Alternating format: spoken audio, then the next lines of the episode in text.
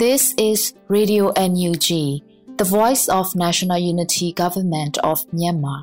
broadcasting for Myanmar Spring Revolution. Radio NUG is transmitting from shortwave 16 meter 17.79 MHz at 8:30 a.m. and 25 meter 11.94 MHz at 8:30 p.m. Myanmar Standard Time. မင်္ဂလာပါရှင်အမျိုးသားညီညွတ်ရေးအစိုးရရဲ့အတန်လွင့်ဌာနရေဒီယို NUG ကိုမနက်ပိုင်း၈နာရီခွဲမှာလိုင်းတူ16မီတာ19.7 MHz ညပိုင်း၈နာရီခွဲမှာလိုင်းတူ25မီတာ17.6 MHz တို့မှာဓာတ်ရိုက်ဖမ်းယူနားဆင်နိုင်ပါပြီမင်္ဂလာအပေါင်းနဲ့ပြည့်စုံကြပါစေအခုချိန်ကစပြီး Radio NUG အစီအစဉ်လေးကိုဓာတ်ရိုက်အတန်လွှင့်ပေးနေပါပြီ။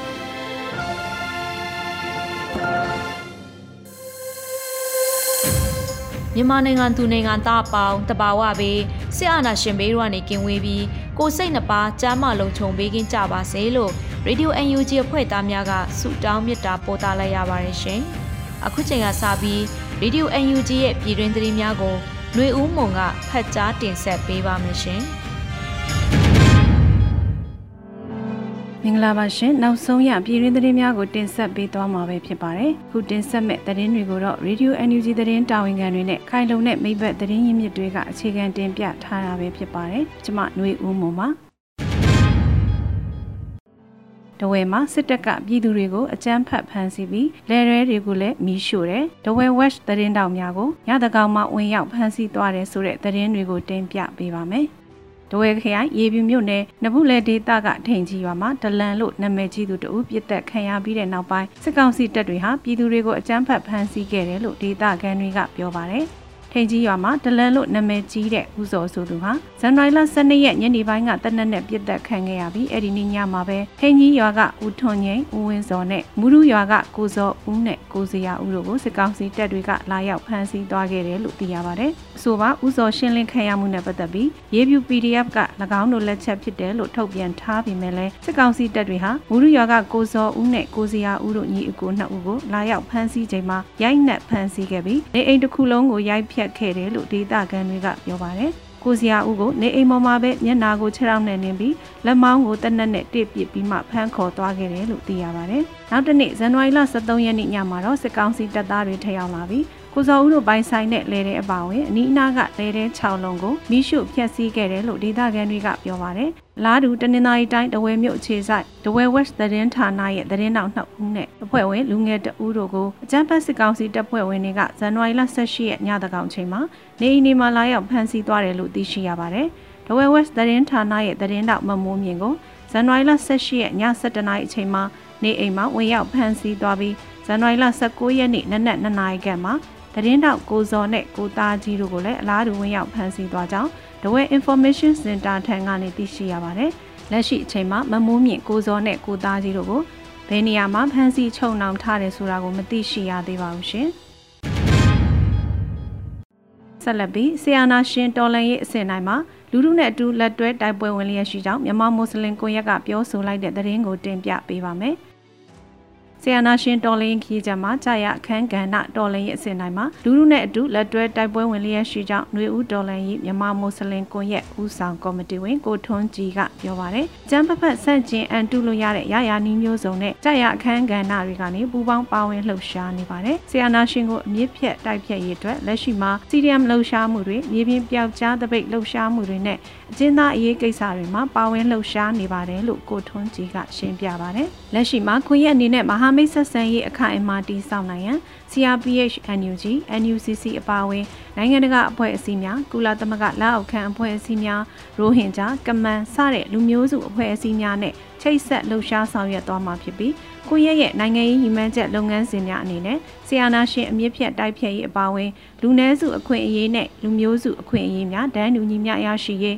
နာဂတ် Federal Democracy စနစ်ပေါ်ပေါက်ရေးတို့အတွက်လက်တွဲတိုက်ပွဲဝင်သွားမယ်လို့ဆိုပါတယ်။ ဒါအပြင်ကွန်ရက်အနေနဲ့မြည်သည့်ပုဂ္ဂိုလ်ပါတီအဖွဲ့အစည်းတို့ရဲ့လွှမ်းမိုးချယ်လှယ်မှုတစုံတရာမရှိဘဲအမိခိုကင်းတဲ့ကွန်ရက်အဖြစ်လွတ်လပ်စွာရပ်တည်သွားမှာဖြစ်ပြီးဒေါ်လာရဲ့အနိမယူမှန်းချက်ဖြစ်သော Federal Democracy ပြည်ထောင်စုပေါ်ထွန်းလာရေးအတွက်ပြည်သူလူထုနဲ့အတူတကွတိုက်ပွဲဝင်သွားမယ်လို့လည်းဆိုပါတယ်။ဆိုပါကွန်ရက်ကိုနွေဦးဒေါ်လန်ရေးမြန်မာမွတ်စလင်ကွန်ရက်အမည်နဲ့2021ခုနှစ်ဒီဇင်ဘာလ6ရက်နေ့မှာစတင်ဖွဲ့စည်းခဲ့တာပဲဖြစ်ပါတယ်ရှင်။ တန်းငွေကရတဲ့သွေးဆိုးငွေတွေကစစ်ပွဲနဲ့အစုလိုက်အပြုံလိုက်တပ်ဖြတ်မှုတွေကိုမီးထိုးလို့နေသမရဘိုင်နန်နဲ့မက်ခရွန်တို့တားပေးနိုင်ပြီလို့ကောင်းစဉ်နဲ့အွန်လိုင်းနိုင်ငံတကာညီလာခံကျင်းပမယ်ဆိုတဲ့သတင်းကိုဆက်လက်တင်ပြပေးပါမယ်။ ကမ္ဘာလုံးဆိုင်ရာမြန်မာအာဏာရှင်ကိုစန့်ကျင်သောလှုပ်ရှားမှုအင်အားစုမှဦးဆောင်ကျင်းပမဲ့ဒဏ်ငွေကရတဲ့သွေးစွန်းငွေတွေကစစ်ပွဲနဲ့အစုလိုက်အပြုံလိုက်တပ်ဖြတ်မှုတွေကိုမီးထိုးလို့နေသမရဘိုင်နန်နဲ့မက်ခရွန်တို့တားပေးနိုင်ပြီလို့အမည်ပေးထားတဲ့အွန်လိုင်းနိုင်ငံတကာညီလာခံကိုဇန်နဝါရီလ20ရက်နေ့မြန်မာစံတော်ချိန်ညနေ9:00နာရီခွဲမှာကျင်းပသွားမယ်လို့သိရှိရပါတယ်။ခုကျင်းပပြုလုပ်မဲ့နိုင်ငံတကာစကားဝိုင်းဆွေးနွေးပွဲမှာ Publish What You Pay Australia သူတေသနအဖွဲ့မှနိုင်ငံလုံးဆိုင်ရာဒရိုက်တာကလန်စီမောက Moderator အဖြစ်ပါဝင်သွားမှာဖြစ်ပြီးမြန်မာနိုင်ငံလူအခွင့်အရေးဆိုင်ရာကုလသမဂ္ဂအထူးကိုယ်စားလှယ်ရန်ဟီလီမြန်မာနိုင်ငံဥပဒေနှင့်မူဝါဒရေးရာအကြံပေး Art Rights International မှရှေ့နေဘန်ဟတ်မန်နဲ့သူစွငွေဖြတ်တောက်ရေးလှုပ်ရှားမှုအဖွဲ့မှကိုရဲတဘာဝသင်းစားတာအရေးတက်ကြွလှုပ်ရှားသူတို့ကပါဝင်ဆွေးနွေးသွားကြမှာဖြစ်တယ်လို့သိရပါတယ်။ဆွေးနွေးပွဲကိုဦးဆောင်ကျင်းပမဲ့သူများက နိုင်ငံတကာရဲ့အဓိကနိုင်ငံခြားဝင်ငွေရေနံနဲ့တဘာဝတငွေကဏ္ဍကရတဲ့အခွန်ငွေတွေဟာစေအုပ်စုရဲ့လက်တွင်းကိုလုံးလုံးကြားရောက်လျက်ရှိပြီးစေအုပ်စုအလို့ကြအသုံးချခံနေရတာဖြစ်ပါတယ်။ ဒီသွေးစွန်းငွေတွေကိုမြန်မာဆီအာနာရှင်တွေအနေနဲ့ပြည်သူလူထုကိုတပ်ဖြတ်ဖို့အတွက်စစ်လေရင်တွေစစ်လက်နက်တွေဝယ်ယူရမှအသုံးပြုနေပါတယ်လို့ဆိုပါတယ်။ဒါအပြင်လက်ရှိမှာကျန်းဖက်စီအုပ်စုကနိုင်ငံအဝန်းကျူးလွန်နေတဲ့စစ်ရာဇဝတ်မှုလူသားမျိုးနွယ်အပေါ်ကျူးလွန်တဲ့စစ်ရာဇဝတ်မှုတွေကိုကျူးလွန်ခြင်းတိုင်းကျူးလွန်နိုင်ဖို့သွေးစွန်းငွေတွေကအထောက်ပံ့ပြုနေတာလို့ထုတ်ပေါ်ပြောဆိုထားပါတယ်။ဆွေးနွေးပွဲမှာအကျန်းဖက်စီအုပ်စုမြန်မာစစ်အာဏာရှင်တွေရဲ့အသက်သွေးကြောတဲ့ပွဲဖြစ်တဲ့ရေနံနဲ့တဘာဝတံငွေကရတဲ့သွေးစွန်းငွေတွေကိုစစ်အုပ်စုစီမစည်းစင်းရဲ့အတွက်နိုင်ငံတကာကဘယ်လိုအရေးယူနိုင်မလဲဆိုတာနဲ့ပတ်သက်လို့အဓိကဆွေးနွေးသွားကြမှာဖြစ်တယ်လို့သိရပါတယ်။ဆွေးနွေးပွဲမှာပြောကြားချက်တွေကိုကိုရီးယားမြန်မာနဲ့ပြင်သစ်ဘာသာပြန်ပါရှိမှာဖြစ်ပြီးပြည်တွင်းကမြန်မာပြည်သူလူထုအနေနဲ့တက်ရောက်နားထောင်မှုလည်းဖိတ်ခေါ်ထားပါတယ်။တက်ရောက်ဆွေးနွေးနားထောင်လူသူတွေအနေနဲ့ပေးထားတဲ့ link ကနေတဆင့်ကြိုတင်ဆင်းရင်ပေးသွင်းနိုင်ကြောင်းသိရှိရပါတယ်။အဆိုပါ online နိုင်ငံတကာညီလာခံကိုပြည်တွင်းပြည်ပမီဒီယာများမှလည်းထုတ်လွှင့်သွားမယ်လို့သိရှိရပါတယ်ရှင်။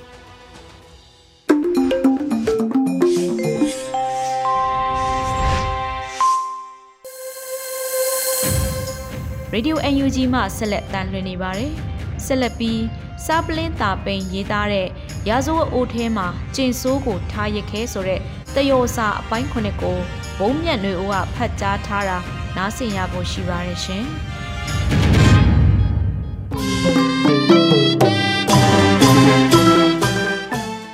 မင်္ဂလာပါခင်ဗျာ။စားပလင်းတာပိန်ရေးသားတဲ့ရာဇဝတ်အိုးထဲမှာကျင်ဆိုးကိုထားရခဲ့တော့ ဆိုတဲ့စောင်းမကိုဖတ်ကြားတင်ဆက်ပေးပါဖြစ်ပါတယ်ဆန္ဒသာရှိမယ်ဆိုရင် စားပလင်းတာပိန်နဲ့ရှမ်းပြိုမဲအရှုပ်တော်ပုံလို့စာဖတ်သူစိတ်ဝင်စားအောင်ခေါင်းစဉ်ခန့်ခန့်ညာညာပေးပြီးတိုင်းဝိုင်းဖွင့်တွေကမိုးမခမီဒီယာရဲ့လျှို့ဝှက်စမ်းကြဲကဏ္ဍဝင်စုံတော့လုံးချင်းဝတ္ထုအဖြစ်ဂုံယူစွာ ထုတ်ဝေတင်ဆက်မယ်ဆိုရင်လည်းဖြစ်နိုင်ပါတယ်။သို့ပေမဲ့လည်းအဓိကပါဝင်ပတ်သက်သူများက ကျင်စိုးတို့ရက်ွက်ထဲကဖြစ်နေလို့ထိုသူတွေအကြောင်းထို၍ထိုမြအရေးတယူပြုကရေးသားလို့စိတ်မရှိတဲ့အတွက်စောင်းပါတပုတ်အဖြစ်နေတာပေါ်ထွက်လာရခြင်းပါရေးကျင်သောကြည်ပြီးရှမ်းပြိုမယ်စလုံးပေါင်းတောင်မှန်အောင်မရေးနိုင်တော့ဘာလားလို့လဲအပြစ်တင်မစောစေခြင်းပါဘူးရှမ်းပြိုမဲနဲ့ပတ်သက်တာတွေကတော့စာဖတ်သူများကိုယ်တိုင်ရှင်းရှင်းလင်းလင်းကွက်ကွက်ကွင်းကွင်းစိစိငူမြင်အောင်အဲ ဖတ်ရှုပြီးဖြစ်မှာတေကြတဲ့အတွက်ထက်ရေးစရာကိုလိုမယ်မထင်တော့ပါစလုံးပေါင်းလဲမမားပါ နေပြည်တော်တခွင် လူပြောသူပြောများနေတဲ့ဗဟေတိစံနေသောရှမ်းပြိုမဲအကြောင်းရေးသားမှာဖြစ်တဲ့အတွက်ပါတခုတော့ရှိပါတယ်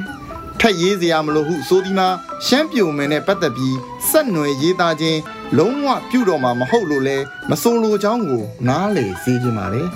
ဘာကြောင့်လဲဆိုတော့ ရှမ်းပြိုမဲအရှုပ်တော်ပုံဟာရှမ်းပြိုမဲကိုအကြောင်းပြုပြီးပေါ်ပေါက်လာရတဲ့အတွက်ဖြစ်ပါတယ်။ဘာကောင်စီညာကောင်စီဘာစီမံအုပ်ချုပ်ရေးညာစီမံအုပ်ချုပ်ရေးဆိုတဲ့စကားလုံးကြီးကြီးတွေတတ်ထားပေမဲ့ကိုယ်တိုင်ကလည်းမစီမံတတ်တနိုင်ငံလုံးကလည်းအုပ်ချုပ်မရဖြစ်နေတော့ကိုတန်ယာတန်ယာဟိုလူဂုံးတိုက်ဒီလူကြောက်တွန်းရေရေရာရာမရှိတဲ့အလုပ်တွေနေ့တူကလုံနေကြရင်ရက်ပိုင်းလာပိုင်းလောက်သာခံမဲ့ယာရူးကြီးငယ်အတွက် တယောက်နဲ့တယောက်တစ်ဖွဲ့နဲ့တစ်ဖွဲ့အခါခွင့်သိရင်သိတယ်လို့အပြစ်ရှာနေကြသူအချင်းချင်းခြေထိုးဒုက္ခပေးတတ်ကြသူများရဲ့ကောင်းစီဖြစ်နေပါတယ်အာနာလူထားတာကတစ်နှစ်ပတ်လဲရှိလာပြီဆိုတော့ဖြစ်ဖြစ်မြောက်မြောက်မရှိလေသမျှကျင်စိုးအပြစ်ကျင်စိုးနဲ့အနီးကပ်အဖွဲ့လှုပ်ရည်ကန်ရည်ညံပြင်းလို့ဆိုပြီးတီးတိုးအပြစ်ဆိုလာကြပါတယ်လက်ဖက်ချောက်တို့အုပ်စုစီကဒီလေတန်တွေစထွက်လာတယ်ဆိုရင်တော့ဘသူမှအံ့ဩသင့်မှာ မဟုတ်ကြပါဘူးအပျော်ကိုင်းအမာကိုင်းမကြက်တကြက်ကိုင်းမမဲ့တမဲ့ကိုင်းဘလို့ပဲကွဲနေနေတူညီတာတစ်ခုကတော့အာနာနေယာလူကျင်တဲ့စိတ်ပုတ်စိတ်ရုပ်ရှိသူများကြောင့်ဖုံးဖိမရအောင်အနံ့ထောင်းထောင်းထွက်နေလို့နေကြတာပါပဲကျင်စိုးကိုတိုက်ရိုက်မကင်နိုင်သေးခင်ကျင်စိုးဘေးကလူယုံတွေကိုကြောက်ချဖို့ဝင်စင်နေကြပါတယ်ကျင်စိုးခိုင်းစီသမျှတသွေးမသိမ်းလောက်တတ်တဲ့မဲလုံးကိုပြစ်မဲ့ထားကြတာလဲ မဆန်းလှပါဘူးအခုတော့အကွက်တွေ့ပါပြီလက်ဖက်ချောက်တို့အုပ်စုကမဲလုံးကိုဒီတစ်ခါသတင်းထုတ်ပြန်ပွဲရောက်ရင်အမတ်တရဓာတ်ပုံလေးရိုက်ထားအောင်နောက်ဆုံးရှင်းလင်းပွဲဖြစ်ဖို့များတယ်မင်းအဘကျင်ဆိုးကလူတောင်စရှာနေပြီလို့ကြားတယ်ဆိုတာမျိုးနဲ့အစပြောလိုက်ပါတယ်တကယ်တော့မဲလုံးကိုယ်တိုင်ကလည်းဒီအလုပ်ကိုလှုပ်တာလှုပ်နေရတယ်သူ့ကိုယ်သူယုံကြည်မှုသိရှိလာတာမဟုတ်ပါဘူးအေးကွာ မင်းကအကြကြအကြကြနဲ့ဖြစ်နေတော့အဲ့ဒီအလုံးနဲ့ဘယ်အစဉ်ပြေပါမလဲအခုတလောလူပြောတော်တော်များနေတဲ့ဟိုဆေးလေးတောက်ကြည့်ဖို့ကောင်းတယ်ဆိုပြီးဆက်ပြောလိုက်ကြတယ်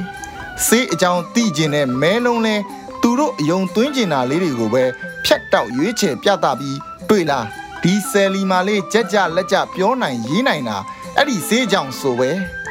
ထက်ကြက်လိုက်ပါတယ်ငါတို့ရက်ွက်မှာဟုတ်တာမဟုတ်တာအသာထား အဲ့ဒါလို့တုံ့ပြန်ပြောဆိုရေးသားနိုင်တဲ့သူကခက်ရှားရှားငါတောင်မနေ့ကအဲ့ဒီဆေးဒါဇင်လိုက်ဝယ်ထားတယ်သွေးလီမှန်တော့ညံရွှင်တာပေါ့ကွာလက်ဖက်ချောက်အပြောမှာမျောသွားတဲ့မဲလုံးဟာခေါင်းတဆက်ဆက်ညိတ်နားထောင်နေပြီးအနီးဆုံးတိုင်းရင်ဆေးဆိုင်ဘဲမှာရှိမလဲလို့စဉ်းစားနေမိပါတယ်လက်ဖက်ချောက်တို့မပြောခင်ကတည်းကမဲလုံးတယောက်သူ့အနေထားကိုစိုးရိမ်ပူပန်နေတာပါ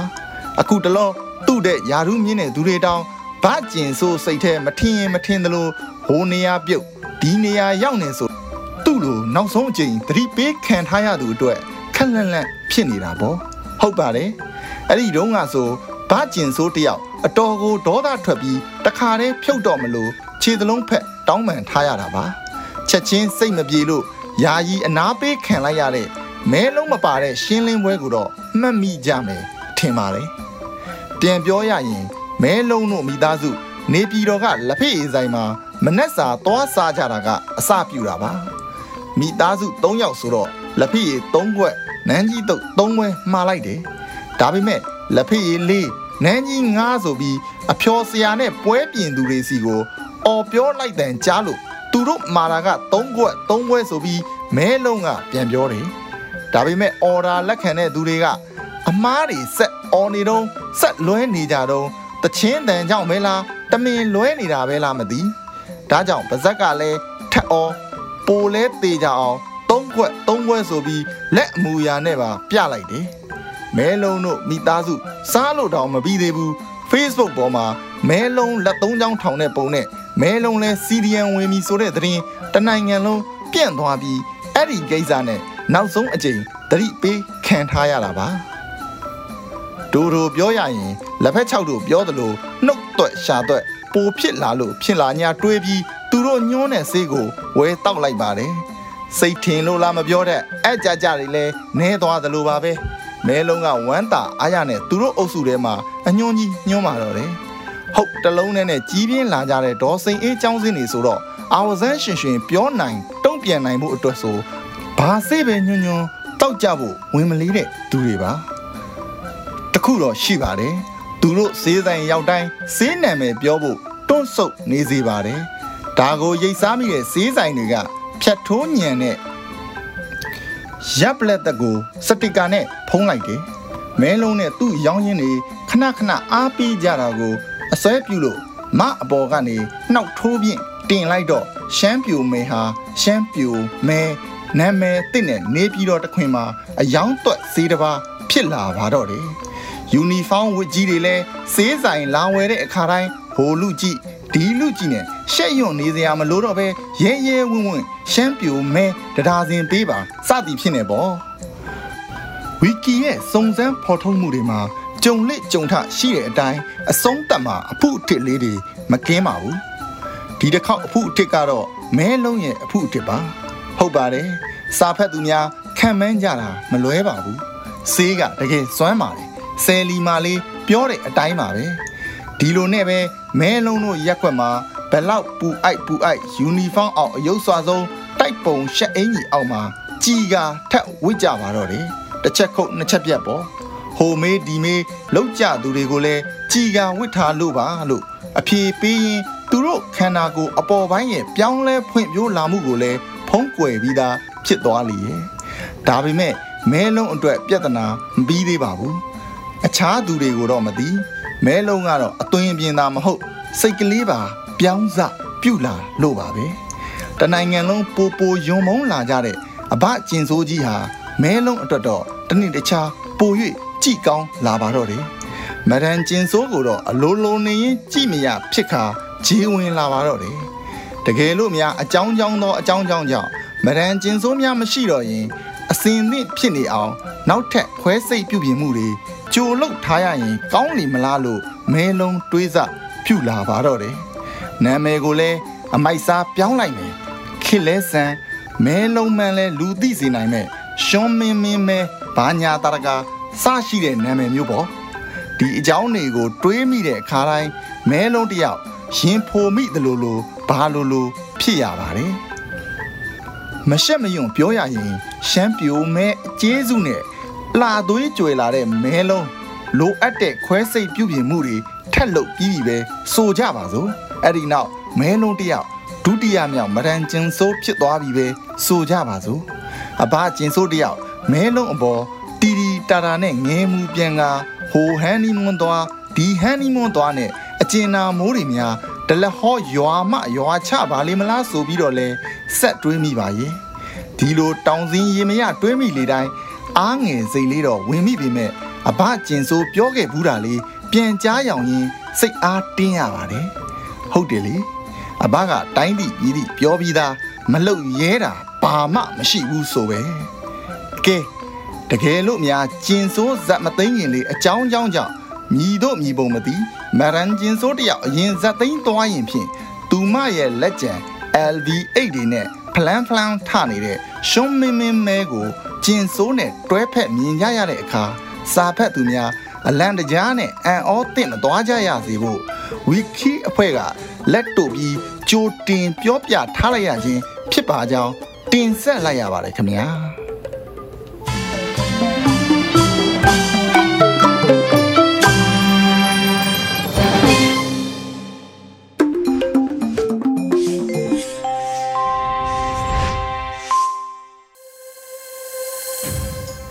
ဆက်လက်နားဆင်ရမှာကတော့တလင်းခောက်ချင်းဆိုတဲ့ကြပြဖြစ်ပါတယ်။ကြပြဆရာကြည်နိုင်ရေးသားထားပြီးလွေအိုးမိုးကခန်းစားရွက်ဖတ်ထားပါတယ်ရှင်။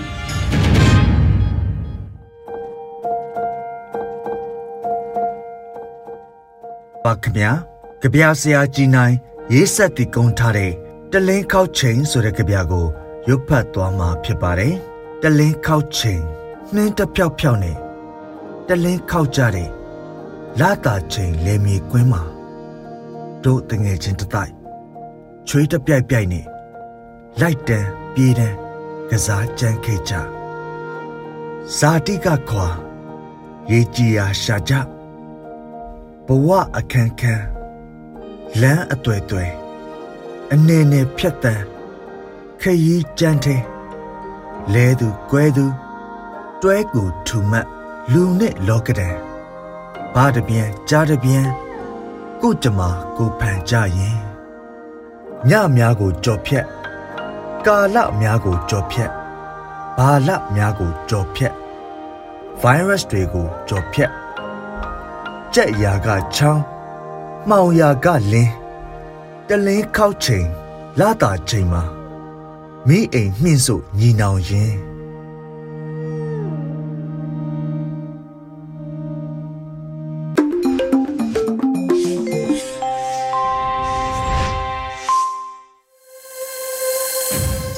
Radio UNG မှဆက်လက်အသံလွှင့်နေပါတယ်။ဆက်လက်ပြီးစနစ်ဟောင်းခက်ဟောင်းတွေတော်လှမဲ့ခေအမေရမုံမခသတင်းမြင်ကွင်းဆောင်ပါကိုရန်နိုင်ကတင်ဆက်ပေးပါမယ်ရှင်။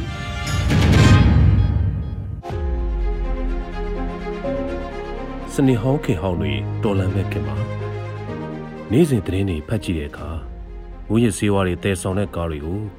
ယူသေးသေးမှဖမ်းဆီးမိနေတဲ့သတင်းတွေရှမ်းပြည်နယ်ရန်ကုန်မန္တလေး ကရင်ပြည်နယ်ပဲခူးတိုင်းရခိုင်ပြည်နယ်စသဖြင့်နေရအသီးသီးမှာသိမ်းမောင်ရာကနန်းကနေသိမ်းတောင်းကနန်းအထိဖမ်းဆီးမိနေတဲ့သတင်းတွေဖတ်နေရပါတယ်ဒါတွေဟာဖမ်းဆီးမိတဲ့သတင်းတွေပဲဖြစ်ပြီးမမိလိုက်တဲ့သတင်းမှာမပါတဲ့တည်ယူမှုကသတင်းမှာပါတဲ့ပမာဏထက်ဘယ်နှဆလောက်ဖြစ်မယ်ဆိုတာမှန်းရကပ်ပါတယ်။အလားတူပဲရခင်ကရွှေတူးခွင့်မရှိတဲ့နေရာတွေမြေချောင်းတွေမှာအေးအေးယူနိုင်တဲ့အနေအထားမဟုတ်တော့တာကြောင့် အလွန်ကြုံတူးနေကြပြီးစကိုင်းတိုင်းဥရုချောင်းတစ်လျှောက်တဘာဝအနေအထားတွေပျက်စီးနေတဲ့တဲ့အဲ့ဒီရွှေထွက်ရဒေသနဲ့ဆက်ဆက်နေတဲ့ကချင်ပြည်နယ်ဖားကန်ဒေသမှာလည်းစစ်အာဏာသိမ်းပြီးနိုင်ငံရေးစီးရေးပြဿနာတွေရှုပ်ထွေးနေချိန်မှာခွင့်မပြုထားတဲ့နေရာတွေမှာကြောက်စိမ့်တူးယူနေကြတာတွေစက်ကြီးတွေနဲ့နေရောညပါတူးယူနေကြတာလဲသတင်းမီဒီယာအချို့မှာရေးသားဖော်ပြနေကြပါတယ်တွင်ထွက်တင်ရစရာကြီးမဟုတ်ပဲတစ်တော်ရက်တစ်တွေခိုးထုတ်နေတာလဲ စကိုင်းတိုင်းမုံရွာနောက်မြောက်ဘက်တခွင်ကချင်ပြည်နယ်ပဲခူးရိုးမှရခိုင်စသဖြင့်နေရာနှံပြားမှာဖြစ်ပွားနေတာဖြစ်ပါတယ်အုပ်ချုပ်ရေးကရှိသလိုမရှိသလိုဖြစ်နေခြင်းဥပဒေစိုးမိုးမှုမရှိတာကြောင့်ဒေသလိုက်တစ်ခိုးထုတ်တာရွှေခိုးတူတာကြောက်စိမ့်ခိုးတူတာငွေရဆေးတဲတာတွေအပြင်အခုလာပိုင်းမှာမြို့ထဲမှာလက်နက်နဲ့လူရက်တာတွေရွှေဆိုင်ဓမြတိုက်တာတွေဇက်တိုက်ဆိုသလိုဟိုမြို့ဒီမြို့တွေမှာဖြစ်ပွားနေတာကြားသိနေရပါတယ်ကျူးလွန်သူတွေကိုဖမ်းဆီးနိုင်တာလည်းရှိသလိုမဖမ်းဆီးနိုင်တာလည်းအများပြားရှိပါတယ် တစ်ဖက်မှာစီးပွားရေးဆိုးရွားစွာကြာဆင်းနေခြင်းကရာဇဝတ်မှုမြင့်တက်လာမဲ့အကြောင်းရင်းကန်အချက်တစ်ချက်ဖြစ်ပါတယ်ဒါပေမဲ့ရွှေဆိုင်ဓမြတိုက်တဲ့ကိစ္စမျိုးတွေကတော့စာဝန်နေရေးကြက်တဲချင်းထက်ပိုလွန်တဲ့ဥပဒေစိုးမိုးမှုမရှိခြင်းအခြေအနေကြောင့်ဖြစ်ပွားတယ်လို့ယူဆစရာရှိပါတယ်။မန္တလေးမြို့မှာအချို့သောနေရာတွေမှာနေရင်းမှာတော့စိုက်ကယ်နဲ့သွားသူကိုလူယူတာတွေမရရင်အသက်အန္တရာယ်ပြုတာတွေရှိနေတယ်လို့သတင်းတွေထဲမှာဖတ်ရှုရပါတယ်။ ရာဇဝတ်မှုတွေတိုးလာတာတဘာဝပတ်ဝန်းကျင်တွေပျက်စီးစေမဲ့အလွန်ကျွံတင်ရဇာတတူးဖော်တာတွေဖြစ်ပွားနေတာအပြင်ကိုပတ်ဝန်းကျင်တွေမှာလည်းအရင်ကမြောင်းတွေချောင်းတွေတဲ့အမှတ်မပစ်ကြပဲစီကံလိုက်နာခဲ့ကြရကအခုလပိုင်းမှာမြောင်းတွေချောင်းတွေတဲ့နေအိမ်ကထွက်တဲ့အမှိုက်တွေအလွယ်တကူပြစ်ချတာတွေပိုးပြီးတွေ့လာနေရပါတယ်။ခါတိုင်းနှစ်တွေကတန်ရှင်းနေတဲ့ရေမြောင်းကအခုလပိုင်းမှာတော့အမှိုက်တွေပြည့်နှက်နေတဲ့ရေမြောင်းဖြစ်လာနေတာမျိုးပါ။ တရားဥပဒေစိုးမိုးခြင်းဆိုတာဟာအုပ်ချုပ်သူအကျိုးအတွက်ပြဋ္ဌာန်းထားတဲ့ဥပဒေအကြောင်းအရာတွေအထူးသဖြင့်နိုင်ငံရေးရည်ရွယ်ချက်ပါဝင်တဲ့ဥပဒေစိုးမိုးခြင်းမျိုးကိုဒီအချိန်မှာထိမ့်သိမ်းထားစရာမလိုပေမဲ့လူမှုအချင်းချင်းအကြားနိုင်ထက်စီးနှင်းမှုပိုင်ဆိုင်မှုလူရချင်းတပ်ဖြတ်ခြင်းဓမြတိုက်ခြင်းကိုကြိုးစည်းပွားအတွက်တယံဇာတတွေအလွန်ကျွံထုတ်ယူခြင်းမျိုးစတာတွေကိုတော့အာနာတရရက်နဲ့အစားထိုးပြီးတားဆီးတာ သတိပေးတာတွေအရေးယူတာတွေလှုပ်ဆောင်ဖို့လိုအပ်မှာဖြစ်ပါတယ်။အချို့သောကိစ္စတွေကတစ်ဖက်စစ်အာဏာရှင်တွေကအခြေအနေကိုပုံမယိုယွင်းပျက်စီးအောင်အခြေအနေပုံမရှုပ်ထွေးအောင်လူတို့ကဒီလိုကြီးလန့်စားစားအခြေအနေကိုစိတ်ပြက်ပြီးရဲတွေစစ်တပ်တွေကိုအားကိုးလာအောင်လမ်းကြောင်းတာမျိုးလဲဖြစ်ကောင်းဖြစ်နိုင်ပါတယ်။88ခုနှစ်ရေခင်ကာလာတုန်းက2021ခုနှစ်ရဲ့အစောပိုင်း February March လဇန်ကာလတွေမှာဒီလိုနီးနာတွေ စစ်အာဏာရှင်တွေဘက်ကတုံးခဲ့တဲ့တာရကတွေရှိပါတယ်။အခြေအနေရှုပ်ထွေးအောင်ဒီအခြေအနေကိုလူတို့ကစိတ်ပြက်အောင်တစ်ဖက်ကတမင်လှုပ်တာမျိုးကိုလည်းမိမိတို့ဘက်ကထိမ့်သိမ့်နိုင်တယ်လူတို့ကိုစီးယုံနိုင်တယ်ဆိုတဲ့အစွမ်းအစလှုပ်ဆောင်နိုင်မှုကိုပြသဖို့လိုမယ်ထင်ပါတယ်။ဇင်ရဲ့ကြက်တဲမှုကိုအချင်းချင်းကူညီကြတဲ့နီးနဲ့ဖြည့်ရှင်းပြီးရာဇဝတ်မှုတွေကြာဆင်းအောင်ထိမ့်သိမ့်ဖို့လိုအပ်မှာဖြစ်ပြီးအချင်းချင်းစောင့်ရှောက်ကြတာလူမှုအတိုင်းဝန်းကိုစံနှုန်းတွေတန်ဖိုးတွေမစွန့်လွတ်လိုက်ကြပဲ ကိုညီရိုင်းပင်ထိန်းသိမ်းကြဖို့အတွက်ရှင်းလင်းပြောဆိုပြီးလမ်းကြောင်းမလွဲအောင်လုပ်ကြဖို့လိုအပ်လိမ့်မယ်လို့မြင်ပါတယ်။စနေဟောင်းခေအောင်တွေကိုတော်လန့်မဲ့ဆိုရမှာအုတ်ချုပ်ရေးအာဏာအစားထိုးဖို့နေရာဝင်ယူဖို့လိုအပ်တယ်လို့အစားထိုးနေရာဝင်မယူခင်လူမှုအချင်းချင်းကြားကမျှတမှုတန်ဖိုးတွေပိုင်ဆိုင်မှုတွေအတိမတ်ပြုဖို့လိုအပ်မယ်ထင်ပါတယ်။တော်လန်ရေးဆိုတာနဲ့မင်းမဲ့အယူအဆမင်းမဲ့ဝါဒတို့မတူကွဲပြားတာကိုလည်း ရှင်းလင်းစွာသိရှိနားလည်ကြဖို့အရေးကြီးတယ်ထင်ပါတယ်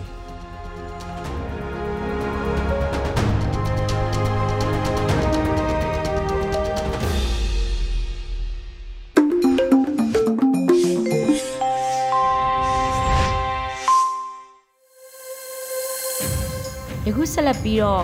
Radio NUG ရဲ့တော်လှန်ရေးတေးဂီတာစီစဉ်မှာ ထိန်လင်းရေးဆက်ပြီးတာချိုစုတီဆိုထားတဲ့မင်းတက်ဆိုတဲ့တခြင်းကို နားဆင်ကြရပါမယ်ရှင်။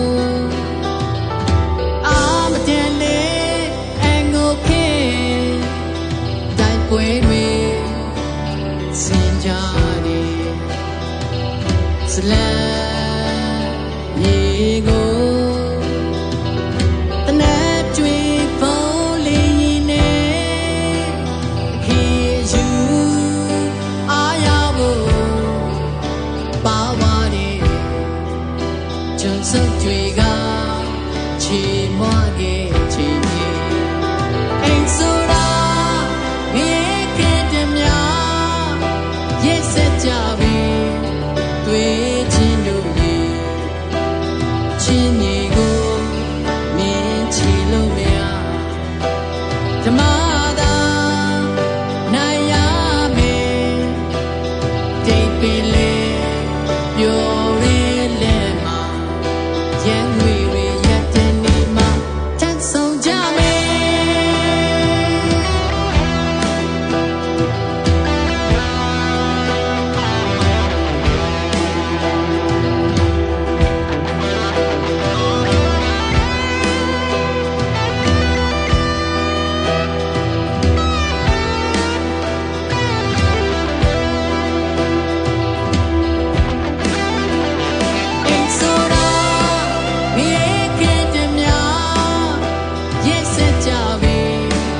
away.